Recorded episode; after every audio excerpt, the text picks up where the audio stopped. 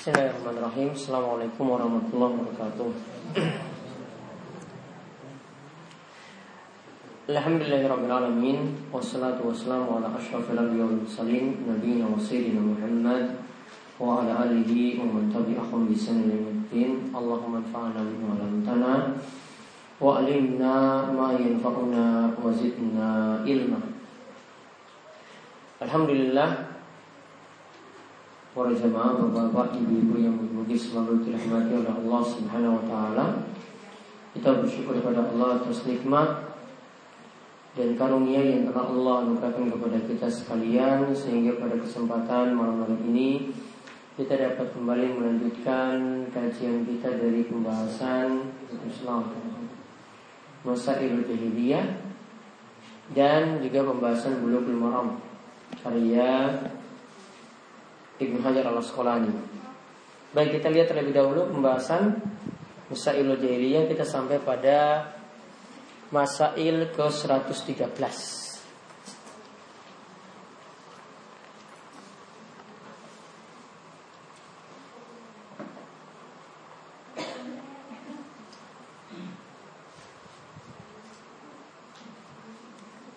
ke 113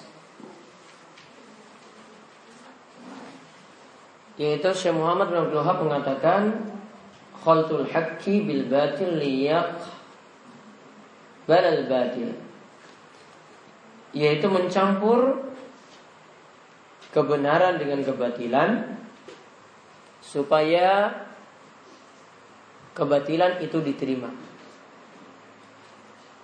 Liyuqbalal ba liyuqbalal batilu supaya kebatilan itu diterima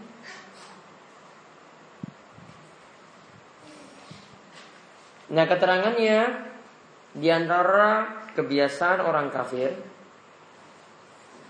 Orang-orang jahiliyah dari Yahudi, Nasrani dan selainnya Mereka biasa mencampur kebaikan, kebenaran dengan kebatilan.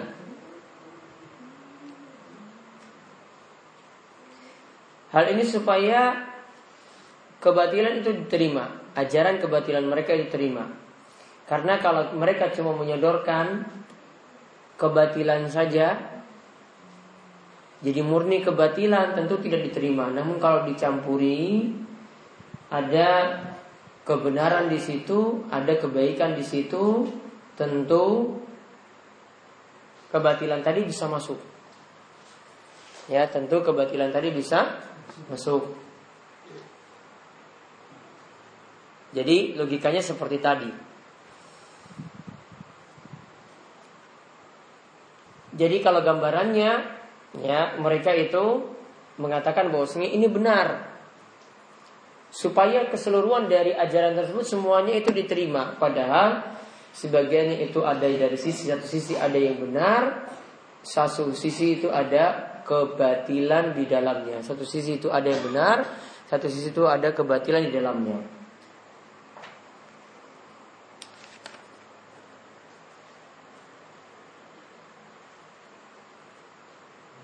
Jadi dikatakan oleh Syekh Fauzan juga beliau katakan fal kufar orang kafir kadang menyebutkan kebaikan-kebaikan atau kebenaran-kebenaran namun mereka bukan maksud untuk mengajak orang pada kebenaran tadi atau bukan mereka mau mengikuti kebenaran tadi. Mereka pun tidak menyukai kebenaran tersebut. Mereka sengaja menyebutkannya supaya kebatilan itu bisa masuk. Maka ini kata Syekh Fauzan penting bagi kita bisa membedakan mana yang benar dan mana yang batil ketika itu. Jadi yang kebenaran itu kita ambil, yang kebatilan itu kita tinggalkan. Kalau kita bisa membedakan dengan cara yang baik. Dan orang yang bisa terpengaruh di sini kalau orang yang tidak punya ilmu, maka kunci bisa tahu mana yang benar, mana yang batil kalau punya ilmu. Artinya bisa mempelajari ketika itu. Nah, kalau dari sisi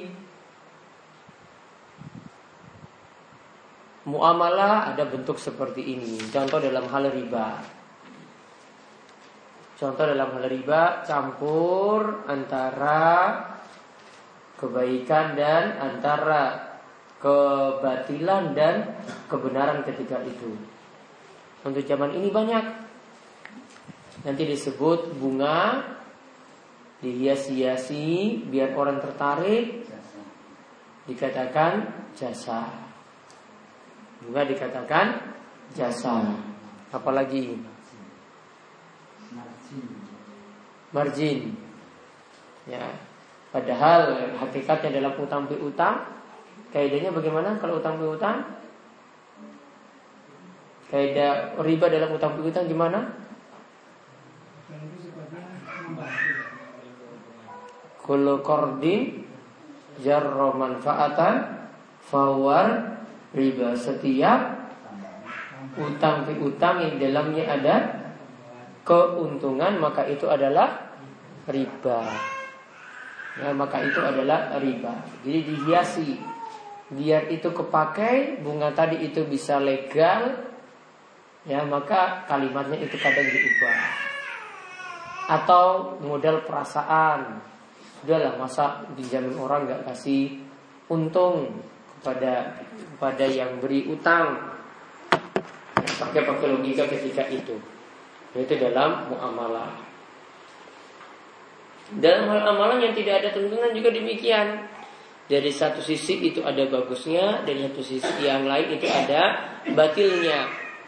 Ya, satu sisi itu ada baiknya, satu sisi itu ada batilnya. Contohnya apa?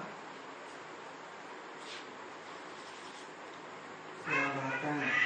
Hah? Selawatan. Selawat baik atau tidak? Baik.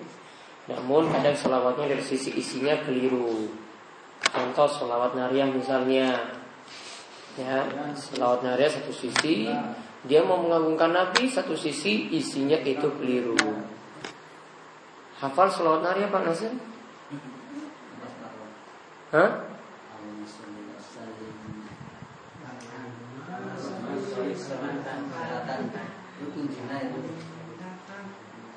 Terus?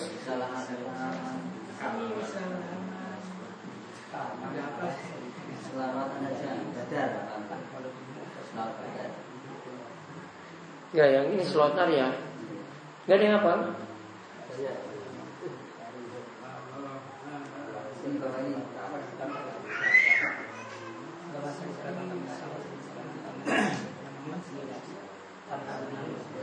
Kan apa tadi?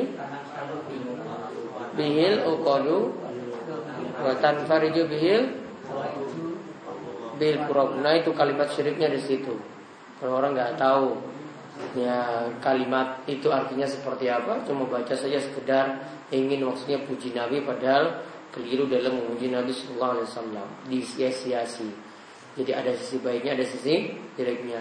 Kalau disodorkan langsung murni kebatilan nggak bisa, nggak bisa masuk orang-orang bisa tahu masa minta sama Nabi, minta doa pada Nabi.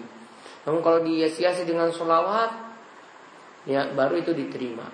Maka orang harus bisa membedakan mana yang baiknya, mana yang jeleknya tadi. Ya, jangan diterima bulat-bulat. Kalau Nabi Nabi disuruh balik Balik Ya Rabbi Mustafa Balik Ya itu tawasul pada Nabi yang sudah mati. Bisa sampai Itu tawasul pada Nabi yang sudah mati. Gak boleh. Baik yang ke-14 Al-mas'alatu rabi'ah asyara ba'dal mi'ah. Yaitu kitmatul haq mal ilmi bihi. Menyembunyikan kebenaran padahal mengetahuinya Menyembunyikan kebenaran padahal mengetahuinya Yaitu kata Syaikhul dan keterangannya orang Yahudi, Nasrani, penyembah berhala, dan orang-orang kafir yang lainnya biasanya punya sifat ini.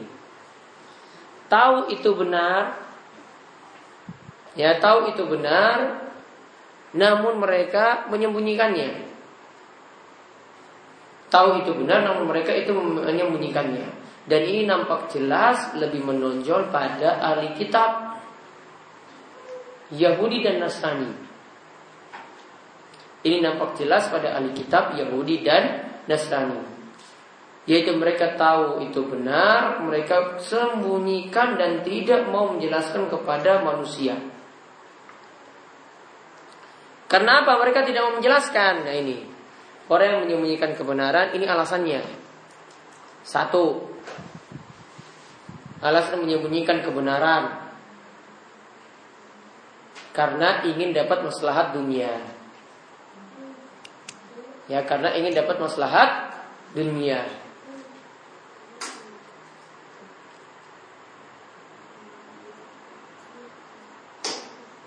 Contoh misalnya, coba lihat kalau ada calon bupati. Kalau ingin, cari masa gimana? Ya dia dekati nanti. Ini masanya ini sukanya apa? Ingin pertahankan tradisi, ya sudah uri-uri tradisi nanti dia besar-besarkan. Oh, ruatan itu enggak sirik. Nah, tujuannya apa? Dia sebut-sebut seperti itu biar orang-orang milih dia nantinya. Padahal yang ngomong ini sudah tahu mana yang benar, mana yang keliru. Cuma karena masa tujuan dunia. Tujuan dunia cari suara, akhirnya memutarbalikkan kebenaran. Alasan yang kedua yaitu untuk cari ridho manusia. Untuk cari ridho manusia. Lihat orangnya senangnya apa. Maka nanti omongannya seperti itu. Senangnya dakwanya pakai musik, maka nanti dia masuk dakwah dengan musik. Tergantung orang-orang senangnya itu torikohnya, metode masuknya seperti apa. Maka dia nanti masuki seperti itu. Maka kebenaran dia tahu. Namun karena cari ridho manusia, dia tutup-tutupi kebenaran tadi. Dan untuk orang Yahudi Nasrani tadi kebenaran terbesar yang mereka sembunyikan, ya, kebenaran besar yang mereka sembunyikan, mereka tahu kalau ada nanti datang Nabi Muhammad Wasallam. Tahu ciri-cirinya. Dan ini sudah disebutkan dalam Taurat dan Injil. Mereka tahu wahyu Nabi SAW itu benar, namun mereka itu mengingkarinya karena maksud tadi ada tujuan dunia, takut masanya itu lari atau ingin cari ridho manusia ketika itu. Jadi mereka tidak mau menerima kebenaran, sengaja menyembunyikan kebenaran ketika itu. Sama halnya juga kalau orang sudah tahu beberapa perkara itu tidak ada tuntunan, tidak ada dalil. Ya, tidak ada dalilnya namun takut oh pendapatannya nanti menurun. Ya, pendapatannya nanti menurun. Nanti nggak diundang-undang kalau dia bilang seperti itu. Kalau diundang nggak diundang-undang gimana? Ya gimana mau urip lagi? Ya kan? Mikir uripnya itu seperti apa? Bukan mikir nanti keadaan di akhirat itu seperti apa Namun cuma karena mikir uripnya nanti seperti apa Sampai ya memutar balikan kebenaran atau menolak kebenaran atau menyembunyikan yang benar. Dia sembunyi-sembunyikan tadi, oh ini jangan diomongkan, bahaya. Gak usahlah singgung-singgung selamatan kematian, bahaya. Nah sifat tadi, ini kalau orang Yahudi dan Nasrani disebut dalam firman Allah Subhanahu Wa Taala, Allazina atainahumul kitaba ya'rifunahu Kama ya'rifuna abna'ahum. Orang-orang yang diberi kitab yaitu ahli kitab, mereka itu mengetahui Nabi Muhammad sebagaimana mereka tahu tentang anak-anak mereka sendiri.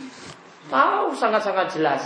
Kalau mereka tahu anaknya, oh anaknya lahirnya kapan, anaknya ciri-cirinya seperti apa, wah anak-anak itu sifat-sifatnya seperti apa. Mereka tahu seperti itu pada Nabi Muhammad SAW. Namun meskipun tahu mereka tidak mau terima ajarannya Karena tujuan-tujuan duniawi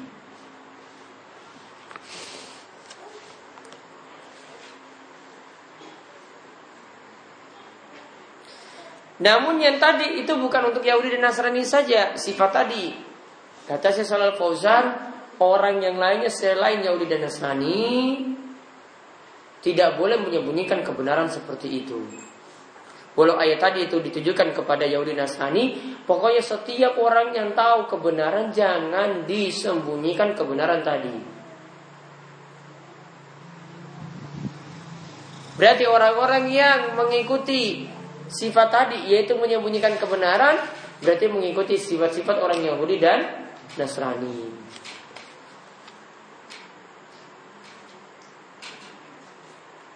Nah sekarang gimana? Kata Syaikhul Fauzan, apa syarat?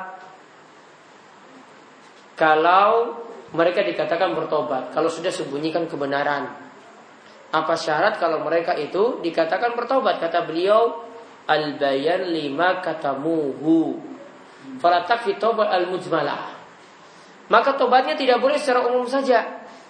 Kalau mereka sembunyikan kebenaran tadi, mereka harus jelaskan ya apa tadi kebenaran yang mereka sembunyikan. Harus dijelaskan. Tadi kan cuma ada tujuan dunia kan? Oh, tidak berani untuk menjelaskan misalnya ini acara ini tidak ada tuntunannya sebenarnya. Maka kalau dia bertobat bukan hanya tadi dia tinggalkan, namun dia juga harus menjelaskan kalau perbuatan ini keliru. Ya, berarti dia harus jelaskan juga. Jadi tidak cukup kata Syaikhul tidak cukup dia tinggalkan amalan yang tidak ada tuntunannya tadi.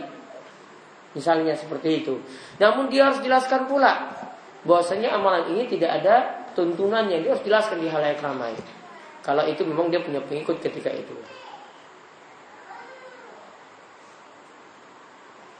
Bahkan kata Syaikhul Fauzan, jangan sampai wala yashtari bihi samanan qalila. Jangan sampai dia menukar agama dengan harga murah.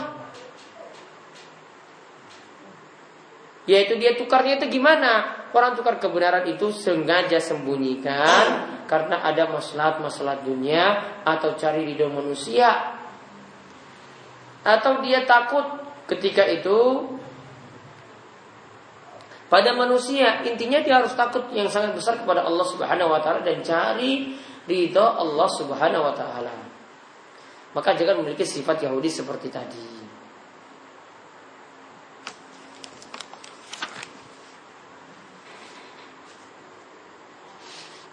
Nah kemudian masalah yang terakhir Untuk pertemuan kali ini yaitu ke 115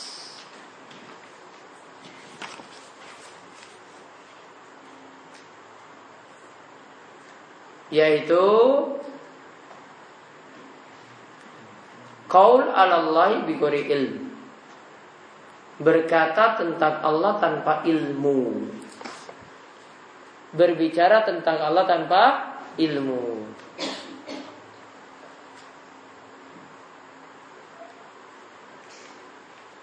Nah, di sini dikatakan oleh Syekh Muhammad bin Abdul Wahab, inilah poros kesesatan. Kesesatan itu bermula atau pokoknya semua kembali pada pokok ini yaitu berbicara tentang Allah tanpa ilmu. Dan ingat berbicara tentang Allah tanpa ilmu Ini kata Syaikhul Fauzan dan kata para ulama A'zamu minasyirki Dosanya lebih besar daripada syirik Ya dosanya lebih besar daripada syirik. Alasannya lihat firman Allah. Surat Al-A'raf ayat 33 Qul inna maharrama rabbil fawahisha ma zahara minha wa ma batan wal isma wal bagya bi ghairil haqq wa an tusyriku billahi man lam yunazzil bihi sultana wa an taqulu 'ala Allahi ma la ta'lamun. Lihat, katakanlah sesungguhnya Allah Rabbku mengharamkan perbuatan-perbuatan keji yang nampak maupun yang tersembunyi. Allah melarang dosa. Allah juga melarang perbuatan yang melampaui batas tanpa hak, membunuh orang lain tanpa hak termasuk di dalamnya. Lalu Allah menyebutkan wa antusyriku billahi man lam yunazzil bi sultana dan engkau berbuat syirik pada Allah tanpa dasar sama sekali. Ya, tadi di awal disebutkan apa? Perbuatan keji, dosa, melampaui batas. Kalau dibandingkan dengan syirik mana yang lebih tinggi? Ya, orang yang melakukan perbuatan keji dengan orang yang membunuh dengan syirik mana yang lebih tinggi? Syirik. Ya, berarti urutannya nggih, perbuatan keji baru syirik. Syirik syirik lebih tinggi. Lalu setelah itu Allah sebutkan lagi Wa antakul Allahi ma la ta'lamun. Dan engkau berkata tentang Allah tanpa ilmu. Disebutkan terakhir. Dan kita tadi sudah sebutkan bahwasanya perbuatan kecil tadi lebih ting lebih rendah daripada syirik. Syirik itu lebih tinggi. Berarti yang disebutkan setelahnya lagi berarti lebih tinggi lagi. Berarti berbicara tentang Allah tanpa ilmu, dosanya lebih parah daripada berbuat syirik.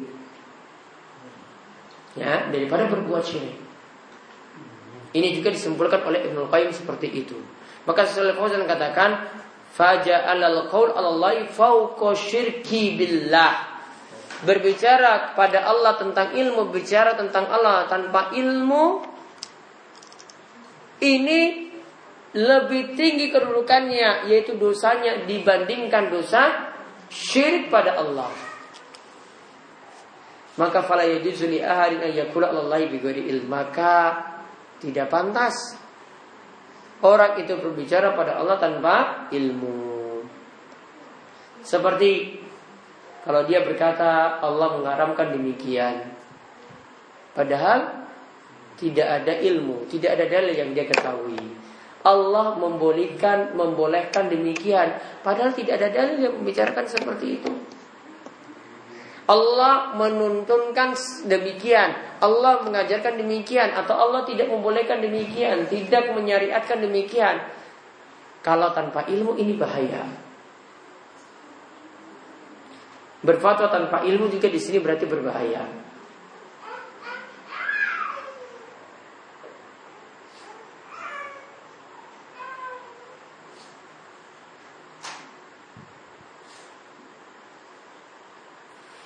Karena berbicara tentang Allah tanpa ilmu termasuk berdusta atas nama Allah dan Allah katakan dalam ayat yang lainnya surat Az-Zumar ayat 32, "Faman azlamu mimman kazzaba 'alallahi kazzaba 'alallahi wa kazzaba bisidqi izja'ah." Alaysa fi jahannam maswalil kafirin? Siapakah lagi yang lebih zolim dari orang yang mendustakan Allah, berdusta atas nama Allah dan dia berdusta tentang kebenaran ketika kebenaran itu datang. Dia mendustakan kebenaran ketika kebenaran itu datang. Bukankah pantas untuk orang-orang kafir itu jahanam?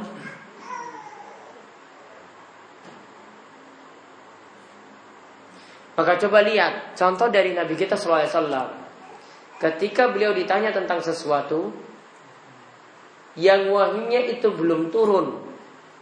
Ya, ketika beliau ditanya tentang sesuatu yang wahyunya itu belum turun. Ketika itu beliau tidak mau jawab. Ketika itu Nabi SAW tidak mau jawab. Tunggu sampai wahyu itu turun. Maka sudah sudah sudah barang tentu yang lainnya juga harus seperti itu. Rasul saja tidak mau jawab, sampai wahyu itu turun artinya sampai ilmu beliau itu ada maka yang lainnya juga demikian yang dibawa Rasulullah Shallallahu Alaihi Wasallam.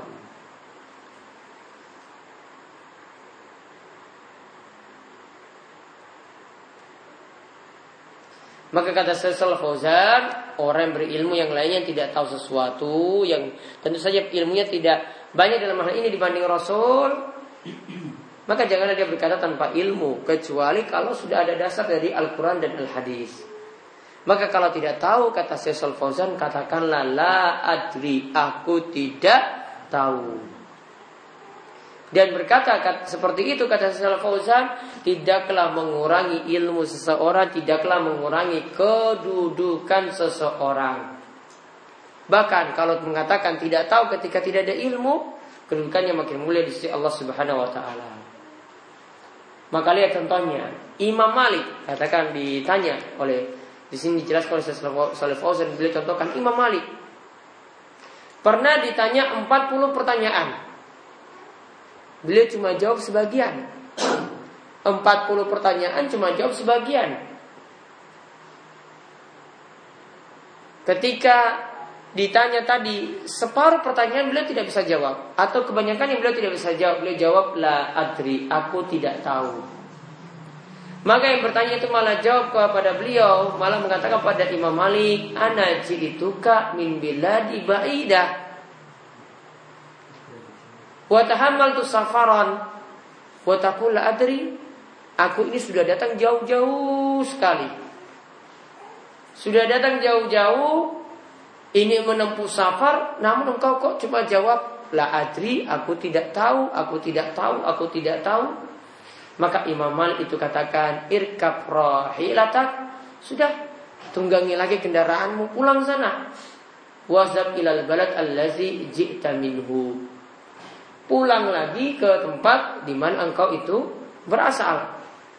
Wakul linnas dan nanti kamu ngomong kepada orang-orang di situ Sa'al tu malikan wa qalla adri. Aku sudah bertanya kepada Imam Malik, namun Imam Malik cuma menjawab aku tidak tahu. Demikian kata Salaf Fauzan itulah alul ilmu wa ahlul khusya min Allah orang yang takut pada Allah takut bicara tanpa ilmu. Dan juga kata Salaf Fauzan demikian juga dalam menulis. Fal insan manusia hendaklah itu jangan menulis kalau dia tidak ahli.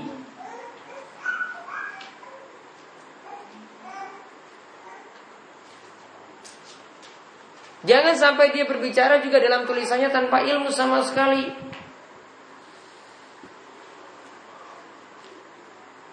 Jadi kalau mau menulis ya tulislah kitab yang benar, tulislah tulisan yang benar yang punya sumber dari Al-Quran dan Al-Hadis. Jadi dalam menulis perlu hati-hati, dalam berfoto juga kata Syekh perlu hati-hati, dalam berbicara ngomong juga hati-hati. Dalam menyampaikan muhadharah kajian juga perlu hati-hati. Jadi yang dia tahu itu benar itulah yang dia sampaikan. Yaitu sesuai dengan Al-Quran dan Al-Hadis. Karena banyak juga yang tanpa ilmu namun cepat-cepat pengen punya buku. Saya baru saja hari Ahad kemarin disodorkan satu buku suruh koreksi. Ya, suruh koreksi tentang ritual-ritual syirik. Beberapa saya kritik penulisnya. Saya bilang ini jenengan keliru. Perbuatan ini tidak masuk syirik. Contoh, misalnya dalam budaya injak telur ketika kawin. Masuk syirik atau tidak? Hah? Masuk syirik atau tidak Pak Selamat? Tidak, hanya pemborosan. Hanya pemborosan. Tahu keyakinan yang tidak berdasar kalau punya keyakinan-keyakinan di situ. Kalau kembar mayang, tujuannya apa kalau perhiasan? Enggak. Hmm. Iya. Tapi di situ dimasukin ke pembahasan syirik. Keliru. Ya, kalau mau nulis sesuatu lihat dulu apa yang dimaksud dengan syirik. Siapa tahu itu bukan syirik, digolongkan syirik itu malah bahaya.